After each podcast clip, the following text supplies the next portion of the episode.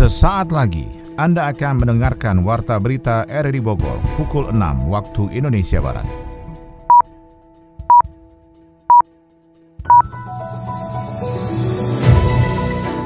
Selamat pagi dan salam jumpa. Kami kembali hadir dalam Warta Berita pagi ini Jumat 18 Agustus 2023. Siaran ini juga dapat Anda dengarkan melalui audio streaming RRI Play pada perangkat Android Anda, serta dapat Anda dengarkan kembali melalui podcast kami di Spotify, Anchor, Hotel, dan juga Google Podcast. Berikut kami sampaikan berita utama. Puluhan warga Bogor mengadakan upacara Hari Kemerdekaan Indonesia ke-78 di bantaran Sungai Ciliwung dilanjutkan bersih-bersih sungai. Tujuh orang narapidana lapas Paledang Bogor bebas di Hari Kemerdekaan RI ke-78. Akibat membakar sampah sembarangan 6 sepeda motor, dua rumah warga, dan sebuah gudang penyimpanan usaha jamur tiram di Desa Pandansari, Kecamatan Ciawi, Kabupaten Bogor, ludes terbakar. Bersama saya Ermel Bekata, inilah Warta Berita RRI Bogor selengkapnya.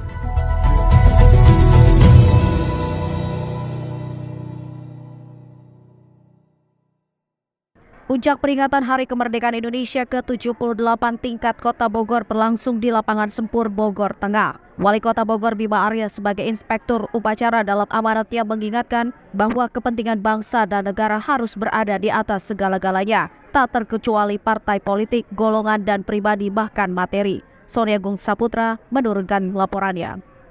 Puncak peringatan Hari Kemerdekaan Indonesia ke-78 tingkat Kota Bogor berlangsung di lapangan Sempur Bogor Tengah Kamis pagi. Dalam agenda itu Wali Kota Bogor sebagai inspektur upacara dan mengikutsertakan unsur Muspida, Forum Komunikasi Pimpinan Daerah Forkominda setempat dan jajaran Pemda. Wali Kota Bogor Bima Arya menyampaikan amanat bahwa setiap warga negara Indonesia harus mempunyai tanggung jawab dalam menjaga kedamaian dan keamanan negara khususnya di Kota Bogor. Kepentingan negara, bangsa, dan negara harus berada di atas segala-galanya seperti partai politik, golongan, dan pribadi, bahkan materi. Jika ada yang melanggar hal itu, maka sudah berkhianat pada cita-cita reformasi dan proklamasi bangsa Indonesia.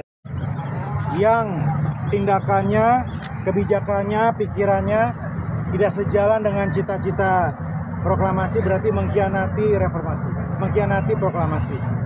Kalau pikirannya hanya materi, kalau pikirannya kursi, kalau pikirannya hanya politik, bukan mewujudkan kesejahteraan, berarti mengkhianati. Kita nggak boleh mundur, kita harus bergerak laju, melaju ke depan. Kalau masih terkotak-kotak karena sektarian, berarti mengkhianati proklamasi. Kalau kita tidak mementingkan kepentingan rakyat, berarti mengkhianati proklamasi. Bergerak maju itu berarti lebih baik. Kalau tidak lebih baik berarti bergerak mundur. Ini tahun politik, ini ujian bagi kita semua. Saya berharap semangat bergerak maju, semangat kemerdekaan ini ini menginspirasi di tahun politik ini.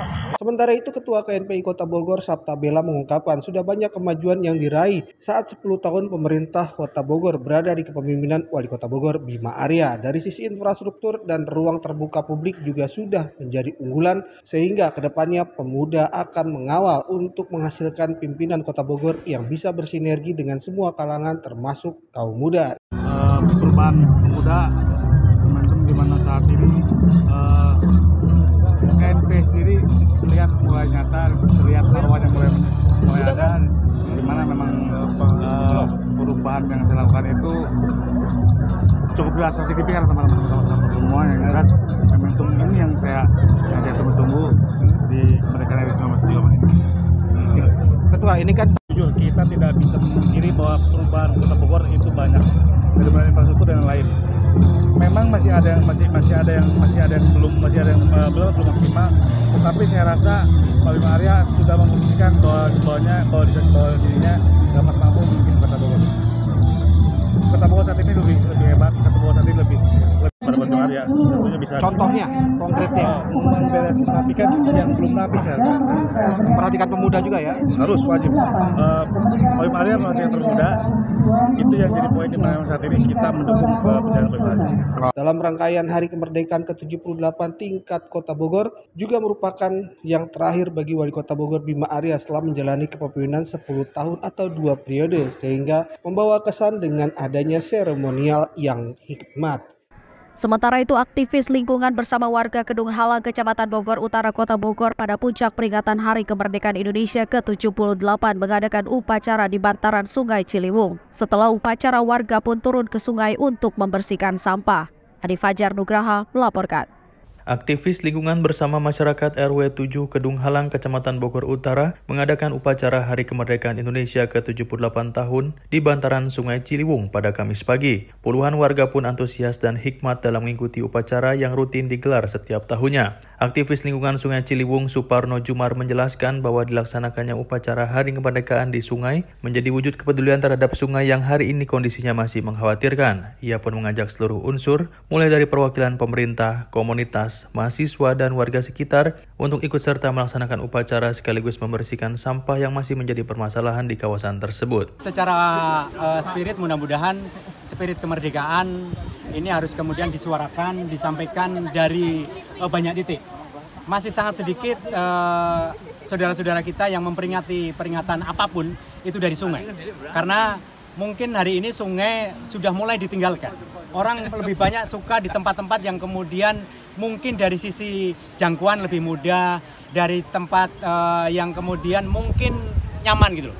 Disinggung mengenai kemerdekaan Indonesia, Suparno Jumar menegaskan bahwa Indonesia memang sudah merdeka dari penjajahan namun belum merdeka dari aspek lingkungan. Hal itu dikarenakan masih banyak isu lingkungan khususnya sampah yang hingga saat ini belum selesai. Bahkan ia menyebut saat ini Indonesia seperti masuk ke dalam era baru, yakni era penjajahan lingkungan. Hari ini uh, mungkin kita di tengah-tengah uh, persoalan global bagaimana krisis uh, iklim gitu ya uh, hari ini kita mungkin sama-sama rasakan bahwa hampir tiga pekan terakhir kita merasakan bumi ini seperti mendidih gitu loh. Karena apa? Karena memang bumi ini udah sangat panas. Panasnya karena banyak aspek mungkin banyak pohon yang ditebang, kemudian pembangunan kemudian tidak dapat dikontrol, kemudian jumlah atau polusi kendaraan bermotor yang kemudian terjadi setiap hari, industri setiap hari, kemudian limbah-limbah yang masuk ke sungai, sampah-sampah yang masuk ke sungai itu udah di mana-mana. Sehingga kita hari ini seperti masuk di era baru era penjajahan lingkungan. Sementara itu, Berlian Gumai, salah seorang mahasiswa yang menjadi peserta upacara mengungkapkan dirinya tergerak untuk ikut membersihkan sungai Ciliwung karena merasa kondisi lingkungan semakin parah akibat banyaknya sampah yang dibuang ke sungai. Karena mungkin melihat kondisi lingkungan Ciliwung ini sangat kurang ini ya terjaga, jadi kami termotivasi untuk melakukan kebersihan lingkungan sekalian memperingati upacara kemerdekaan 17 Agustus itu. E, menurut saya pribadi sih belum karena di lingkungan ini masih banyak e, masyarakat sekitar membuang sampah sembarangan.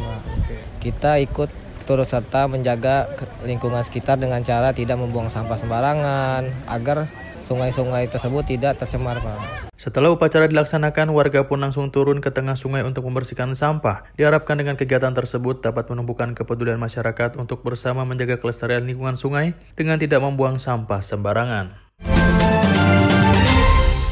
Tujuh orang narapidana lapas Paledang Bogor bebas di Hari Kemerdekaan RI ke-78. Sony Agung Saputra menyampaikan laporannya.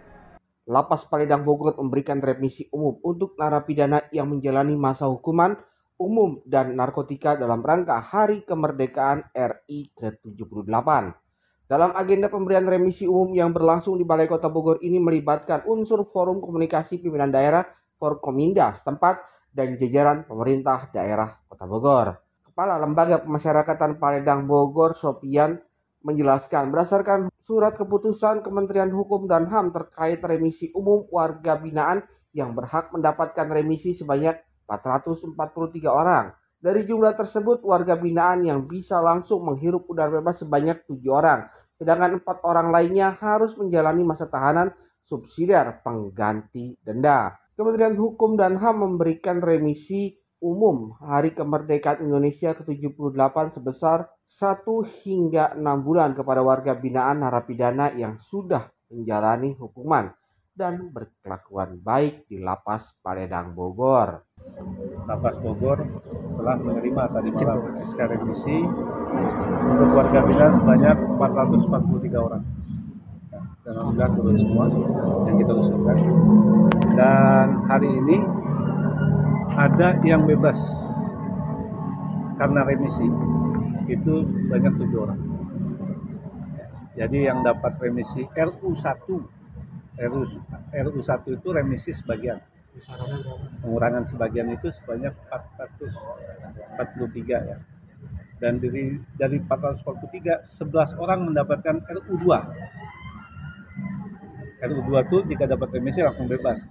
Tapi yang bebas hari ini jam 7. Empat orangnya masih menjalani subsidiar. Ya, saya kira itu antara 6 sampai 1 bulan. Yang paling tinggi 6 bulan, yang paling rendah 1 bulan. Sementara itu, Wali Kota Bogor Bima Aryam yang menghadiri agenda pemberian remisi ini mengungkapkan terima kasih kepada petugas lembaga pemasyarakatan yang telah melakukan pembinaan kepada narapidana yang saat ini menjalani masa hukuman. Dengan adanya pola pembinaan kemasyarakatan yang benar, maka para narapidana yang saat ini menjalani masa hukuman di lembaga pemasyarakatan Lapas Paledang Bogor dapat kembali ke masyarakat dengan baik dan bisa melanjutkan kehidupan setelah bebas dari hukuman yang didapat saat melakukan tindak pidana umum dan narkoba. Saya sampai juga berterima kasih atas binaan yang dilakukan terhadap warga Bogor. Hari ini ada tujuh orang yang masuk ke bebas karena remisi. Ini sejarah ya. Karena tidak semua orang bisa masuk balai kota. Ini remisinya biasanya di lapas, ini langsung di balai kota, uh, langsung di ruangan utama di balai kota. Ya, saya uh, mendoakan tadi agar saudara-saudara kita mendapat remisi dan bisa betul-betul menjalani hidupnya dengan penuh keberkahan. Hingga saat ini lembaga pemasyarakatan Paledang Bogor masih mengalami overkapasitas dengan dihuni 536 warga pidana yang masih menjalani masa hukuman sehingga nantinya dapat pembinaan secara mental spiritual agar bisa kembali ke masyarakat melanjutkan kehidupan setelah bebas nanti. Sebuah truk bermuatan semen terguling di tanjakan Selarong Gadok Mega Mendung Bogor. Kecelakaan tunggal truk yang melaju dari Jakarta menuju puncak Bogor itu selain kelebihan beban muatan, juga diduga kondisi kendaraan yang digunakan tidak layak untuk kontur jalan mendaki dan menurun di jalur tersebut. Laporan selengkapnya oleh Yofri Haryadi. Sebuah truk bermuatan semen terguling, tidak kuat, menanjak di tanjakan Selarong, Gadok, Megamendung, Bogor. Evakuasi truk terguling pada Kamis siang itu pun mengakibatkan kemacetan panjang di kedua arah di jalur wisata Puncak Bogor di tengah libur nasional Hari Kemerdekaan RI ke-78. Sopir truk Naas Ismaidi mengatakan peristiwa tersebut terjadi lantaran kondisi rem kendaraan mengalami kerusakan sehingga tidak kuat menahan beban muatan yang dibawanya dalam posisi menanjak. Sopir akhirnya berbalik menyadari kondisi rem kendaraannya tidak berfungsi dengan baik. Saat posisi memutar balik kendaraannya menuju arah tol Ciawi, truk hilang keseimbangan dan terguling. Mau ke mana? Dari Tangerang, rencananya kita ke base camp. Base camp di? Daerah Cipayung ah. begitu nanjak saya juga udah feeling nggak nggak kuat misalnya. Ah. akhirnya saya putar balik di atas. Terus? Putar balik tiba-tiba udah putar balik mau lewat bawah tiba-tiba rem blong. Ah. akhirnya ya saya ngambil jalur kiri terus ambil trotoar. Saya nggak ngambil yang lain-lain itu pokoknya saya usahakan sambil kiri aja. An. pokoknya saya usahakan jangan sampai orang yang lain kendaraan lain. Menghindar kendaraan lain? Iya. Supaya nggak ada korban? Iya. Ah. Abang sama siapa? Sama adik saya kenek. Sama kenek berdua, tapi nggak apa-apa. Alhamdulillah pak, sementara ah. tubuh tapi nggak apa-apa sih sementara. Nggak apa-apa. Uh, oh jadi pas beruntung lagi kondisi ini nggak ada kendaraan lain? Nggak ada. Ah. Saya berusaha, saya juga sambil, sambil dilihat sekian kanan kiri, ambil jalur kiri terus trotoar. Banting ke kiri? Banting kiri terus, saya usahakan setir, banting kiri terus. Beruntung tidak ada korban serius baik sopir dan keneknya, hanya mengalami luka ringan dan tidak berdampak pada pengguna kendaraan lainnya yang melintasi jalur itu. Kecelakaan tunggal yang dialami truk dengan nomor polisi B9285CR yang melaju dari arah Jakarta menuju puncak Bogor selain kelebihan beban muatan juga diduga Kondisi kendaraan yang digunakan tidak layak untuk kontur jalan mendaki dan menurun di jalur tersebut. Seperti diungkapkan petugas unit Laka Lantas Ciawi Bripka Satyo Jatmiko. Jadi ada membawa muatan semen yang kita lihat di belakang ini eh, bergerak dari arah Gadok menuju puncak pada saat di jembatan Selarong itu dari pengendara sudah ada feeling bahwa tidak akan kuat. Akhirnya di depan pada saat ada parkiran dia putar balik tapi ternyata pada saat turun kembali ke Selarong mengalami gagal fungsi rem, itu rem blok. Dan inisiatif dari pengendara langsung membalikkan kendaraan ke trotoar sebelah kiri sampai akhirnya kembali di depan ini. Uh, jadi muatannya kami tanyakan kepada pengemudi dan ada surat jalannya membawa semer untuk ke puncak. Nah. Saat evakuasi dilakukan, Satlantas Polres Bogor memberlakukan sistem buka tutup arus kendaraan hingga truk dipindahkan agar tidak mengganggu pengguna jalan lainnya. Begitupun muatan semennya dipindah angkut oleh unit derek Satlantas Polres Bogor. Hei, kok buang sampah di situ sih? Lihat tuh ada tulisannya, jangan buang sampah sembarangan. Kan di sana ada tempat sampah. Suka-suka dong, usil amat sih jadi orang. Kan ada OB, Tugasnya OB itu kan emang bersih-bersih. Menjaga kebersihan lingkungan kan tanggung jawab kita. Kebersihan sebagian daripada iman, iya nggak? Iya deh, nih aku pungut nih, aku buang tempat sampah. Sampah yang dibuang sembarangan dapat mencemari lingkungan, termasuk air, tanah, dan udara. Pencemaran lingkungan dapat menyebabkan kerusakan ekosistem, hilangnya habitat satwa liar, dan penurunan kualitas hidup manusia. Bersih itu indah, bersih itu mencerminkan hati. Lingkungan bersih terbebas dari penyakit.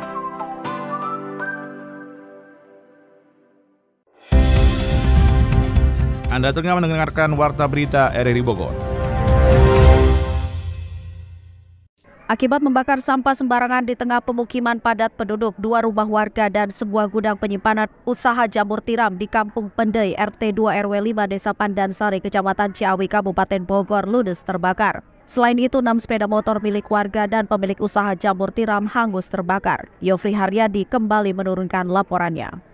Akibat membakar sampah sembarangan di tengah pemukiman padat penduduk, dua rumah warga dan sebuah gudang penyimpanan usaha jamur tiram di Kampung Pendei RT 2 RW 5 Desa Pandansari, Kecamatan Ciawi, Kabupaten Bogor, ludes terbakar. Kejadian pada Rabu sore itu pun mengejutkan warga di sekitar lingkungan dan beruntung tidak ada korban jiwa dalam peristiwa tersebut. Enam sepeda motor milik warga dan pemilik usaha jamur tiram hangus terbakar. Komandan Regu Damkar Ciawi, Edi Supriyadi mengatakan dari pembakaran pembakaran sampah yang dilakukan warga mengakibatkan api merembet dari bawah ke bagian atas pemukiman warga. Lokasi kebakaran yang berada di pemukiman padat penduduk di tengah kebun itu pun menyulitkan tim damkar setempat memadamkan api. Api baru dapat padam setelah dua jam setelah empat unit pemadam tiba di lokasi. Yang kebakar dari ini pertama apa dari jamur ya, apa dari bawah langsung ke dalam pabrik jamur. Pabrik ya, biar masih jalan. Data sekitar 6 unit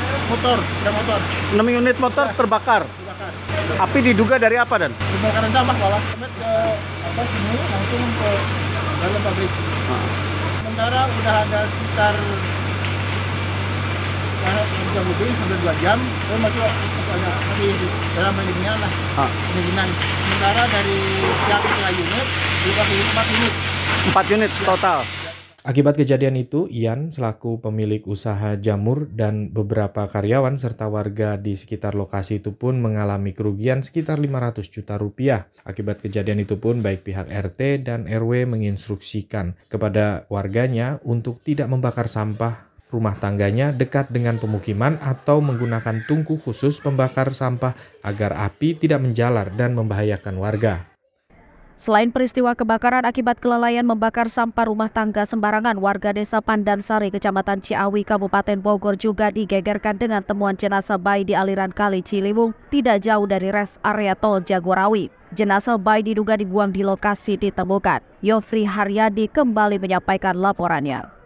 Setelah peristiwa kebakaran akibat kelalaian membakar sampah rumah tangga sembarangan, Desa Pandansari, Kecamatan Ciawi, Kabupaten Bogor kembali digegerkan dengan temuan jenazah bayi di aliran Kali Ciliwung tidak jauh dari res area Tol Jagorawi. Kejadian tersebut bermula dari seorang office boy res area kilometer 45 Tol Jagorawi hendak buang air kecil di aliran Kali Ciliwung dan menemukan sosok jenazah bayi tersangkut di sela bebatuan. Dijelaskan Ketua RW 7 Desa Pandansari, Adang, kejadian itu pun akhirnya dilaporkan kepada RT dan RW hingga petugas polsek setempat. Tidak lama setelah dilaporkan, jenazah bayi dibawa ke RSUD Ciawi untuk diotopsi. Menemukan di situ bekerja, bekerja di rest area kan di situ. Uh. Bekerja. Ya, dia mengetahuinya kan karena dia tuh tadi itu kebetulan dia mau buang air ke Kali Ciliwung kan. Uh. Pas pas turun dia tuh ada mungkin ada bungkusan eh, uh, sarung kan saat hmm. pertama kan nggak tahu bayi kan mereka ambil ya pas dibuka ya ketemukan bayi gitu. Tadi itu hmm. kronologisnya gitu tadi. Dari pihak karyawan uh, office boy dari rest area saat dikonfirmasi terkait laporan itu pun pihak Polsek Ciawi masih melakukan penyelidikan. Namun melihat posisi dan kondisi jenazah bayi diduga dibuang di lokasi ditemukan tidak terbawa hanyut karena aliran sungai saat itu sedang surut. Bayi berjenis kelamin laki-laki itu pun kini dilarikan ke RSUD Lewiliang karena fasilitas pendingin jenazah yang lebih memadai. Baik polisi dan warga kini tengah mencari pelaku pembuang bayi tersebut khususnya di kawasan Ciawi Bogor. Warta Ekonomi Presiden Jokowi berencana menarik utang sebesar 648,1 triliun rupiah pada tahun 2024. Pertumbuhan ekonomi 2024 ditargetkan sebesar 5,2 persen, 0,1 lebih persen lebih rendah dari tahun 2023. Adi Fajar melaporkan. Presiden Joko Widodo berencana menarik utang sebesar 648,1 triliun rupiah pada tahun 2024. Tujuannya untuk menekan defisit hingga membiayai investasi di tanah air. Berdasarkan buku nota keuangan RAPBN 2024, penarikan utang ini lebih tinggi dari outlook APBN 2023 yang sebesar 406,4 triliun rupiah, tetapi lebih rendah dari realisasi 2022 yang sebesar 696 triliun rupiah. Pada 2024, kondisi perekonomian diharapkan semakin pulih yang ditopang pemulihan ekonomi negara Asia Asia termasuk Cina dan India. Hal ini diharapkan dapat mendorong ekonomi domestik tumbuh semakin solid dan mendorong peningkatan penerimaan negara sehingga defisit APBN dapat ditekan dan pembiayaan utang semakin menurun. Pada tahun 2024, penarikan utang berasal dari penerbitan surat berharga negara atau SBN sebesar 666,4 triliun rupiah dan pinjaman sebesar 18,4 triliun rupiah. Sementara itu, Menteri Keuangan Sri Mulyani mengatakan meski sudah punya rencana menarik utang 648 triliun rupiah, pemerintah tak akan gegabah. Ia mengatakan pemerintah akan selalu berhati-hati dalam menarik utang karena kondisi ekonomi global saat ini sedang tidak menentu. Berdasarkan data Kementerian Keuangan, utang pemerintah pusat hingga 31 Juli 2023 tercatat sebesar 7.855,53 triliun rupiah yang terdiri dari SBN sebesar 6.985,2 triliun rupiah dan pinjaman sebesar 870,33 triliun rupiah. Presiden Joko Widodo menargetkan pertumbuhan ekonomi pada tahun 2024 sebesar 5,2 persen. Target tersebut 0,1 persen lebih rendah dari 2023 yang sebesar 5,3 persen. Menurutnya target pertumbuhan ini telah mempertimbangkan dan memperhitungkan risiko-risiko yang akan datang di tahun depan. Jokowi mengatakan untuk mencapai target tersebut, maka pemerintah akan berupaya menjaga stabilitas ekonomi makro terutama di tahun politik. Lalu inflasi ditargetkan bisa kembali turun menjadi 2,8 persen pada tahun depan. Adapun untuk menjaga inflasi, Jokowi mengatakan akan akan menjaga pasokan pangan hingga energi yang biasanya membuat harga bergejolak. Ia akan memaksimalkan peran APBN untuk memitigasi tekanan inflasi baik akibat perubahan iklim maupun gejolak eksternal. Kemudian rata-rata nilai tukar rupiah diperkirakan bergerak di sekitar Rp15.000 per dolar Amerika Serikat. Sementara rata-rata suku bunga surat berharga negara 10 tahun diprediksi pada level 6,7 persen. Sementara itu harga minyak mentah Indonesia atau ICP diperkirakan masih tetap tinggi dan berada pada 80 US dollar per barel. Di sisi lain, lifting minyak dan gas bumi diperkirakan masing-masing mencapai 625 ribu barel per hari dan 1,03 juta barel setara minyak per hari.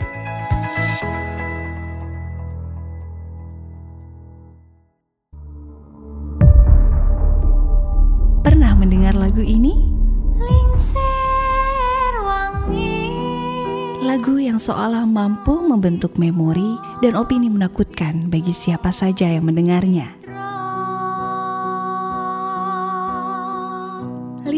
Wengi merupakan sebuah lagu yang diciptakan oleh Sunan Kalijaga. Beliau merupakan salah satu wali yang menyebarkan ajaran Islam menggunakan cara-cara yang unik untuk menarik masyarakat memeluk agama Islam, di antaranya melalui media budaya Jawa seperti wayang kulit, seni ukir, gamelan, dan lain sebagainya. Salah satu caranya berdakwah adalah lewat lagu Lingsir Wengi. Lagu Lingsir Wengi ini diciptakan sebagai penolak bala godaan makhluk halus. Lagu Lingsir Wengi sering dinyanyikan oleh para ibu untuk menidurkan anaknya pada malam hari supaya lelap dalam tidurnya. Bukan seperti persepsi yang beredar di masyarakat yang menyatakan lagu ini pengundang makhluk halus. Sunan Kalijaga menggunakan pakem durma dalam penciptaan lagu Lingsir Wengi ini. Pakem durma merupakan salah satu pakem gending Jawa yang mencerminkan watak yang berbeda-beda. Pakem Durma ini sendiri mencerminkan watak lagu yang penuh dengan sifat keras, sangar, suram, sampai dengan kesedihan. Bahkan tak jarang, mengungkapkan hal-hal yang angker dalam kehidupannya. Itulah yang menyebabkan lagu ini dinyanyikan dalam tempo yang pelan, serta penuh dengan perasaan, bahkan sampai menyayat hati.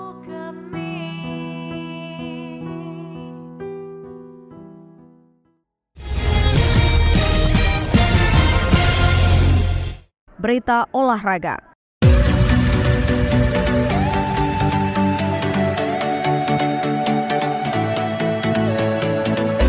Cabang olahraga balap motor Kabupaten Bogor yang bernaung di dalam Korwil IMI setempat di bawah komando A Antriana Al Muharom terus menunjukkan prestasi yang sangat membanggakan. Terbukti dengan tim balap motor Kabupaten Bogor yang mampu mempertahankan predikat juara umumnya di tahun lalu. Setelah berjuang meraih prestasi di tahun lalu, memasuki tahun 2023 ini IMI Kabupaten Bogor terus melakukan program pembinaan kepada atlet binaannya. Sekretaris Umum IMI Kabupaten Bogor Dudi Mulyadi mengatakan, saat ini IMI Kabupaten Bogor sedang gencar melakukan pencarian bibit-bibit baru untuk ke depannya bisa memberikan prestasi terbaik di event-event daerah, nasional maupun internasional. Hal ini dilakukan oleh IMI karena mengingat regenerasi atlet diperlukan saat ini. Kalau program di 2023 sepertinya masih sama di 2022, tapi memang program 2023 ini hmm. uh, kita ada beberapa pembalap kita yang memang nanti di Porprov 2026 itu mereka sudah tidak bisa ikut lagi uh, main walaupun potensinya masih medali emas karena uh, dibatasi dengan uh, regulasi untuk 2026 itu nanti akan dibatasi dengan usia sampai dengan 25 tahun. Nah, kebetulan peraih medali emas untuk uh, Kabupaten Bogor ini di tahun 2026 itu mereka usianya sudah 30 tahun gitu. Nah, jadi program kita saat ini kita menggenjot mencari uh, atlet uh, baru lagi dan kebetulan memang Kabupaten Bogor ini masih uh, mempunyah celengan dua pembalap yang masih berusia 12 tahun mereka juga uh, berhasil meraih juara nasional untuk kejuaraan motocross dan juga one trick di Indonesia ini. Dudi juga menjelaskan saat ini semua atlet binaannya masih berlatih dengan timnya masing-masing. Ia menjelaskan selama proses latihan di sirkuit Pakansari, kelima pembalap andalan IMI Kabupaten Bogor memiliki grafik yang terus meningkat baik dari segi fisik maupun teknik. Ini semua dilakukan demi mencapai target dan prestasi yang lebih lagi.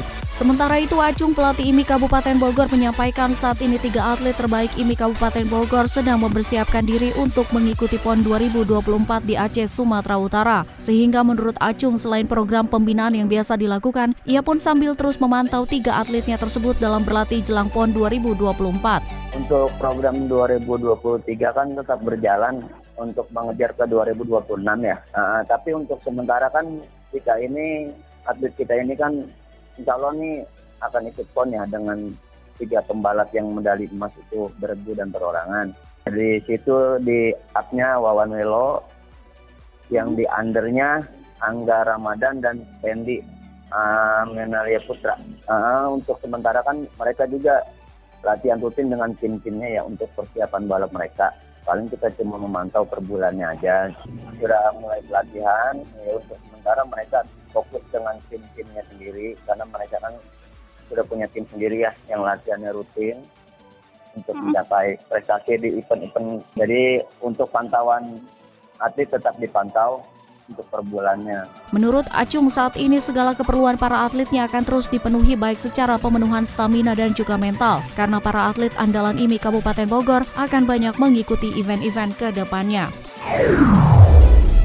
Keberhasilan Inter Miami lolos ke final League Cup membuat Lionel Messi dan kawan-kawan dipastikan tampil di Liga Champions CONCACAF 2024. Kompetisi yang digelar selama satu bulan di tengah Major League Soccer ini merupakan pintu alternatif bagi tim-tim yang ingin tampil di kompetisi kontinental. Dua tim yang lolos ke final League Cup mendapatkan tiket menuju Liga Champions.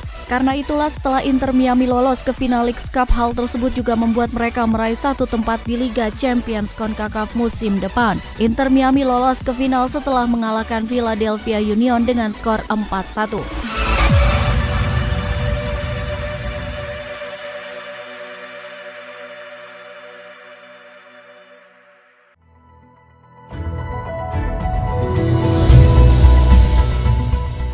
Demikian informasi yang dapat kami sampaikan dan berikut kembali kami sampaikan berita utama hari ini. Puluhan warga Bogor mengadakan upacara Hari Kemerdekaan Indonesia ke-78 di bantaran Sungai Ciliwung dilanjutkan bersih-bersih sungai. Tujuh orang narapidana lapas Palembang Bogor bebas di Hari Kemerdekaan RI ke-78 akibat membakar sampah sembarangan 6 sepeda motor, dua rumah warga, dan sebuah gudang penyimpanan usaha jamur tiram di Desa Pandansari, Kecamatan Ciawi, Kabupaten Bogor, ludes terbakar. Saudara siaran ini dapat Anda dengarkan kembali melalui podcast kami di Spotify, Anchor, Hotel, dan juga Google Podcast. Mewakili kerabat kerja yang bertugas hari ini, saya Ermel Bekata mengucapkan terima kasih dan selamat pagi.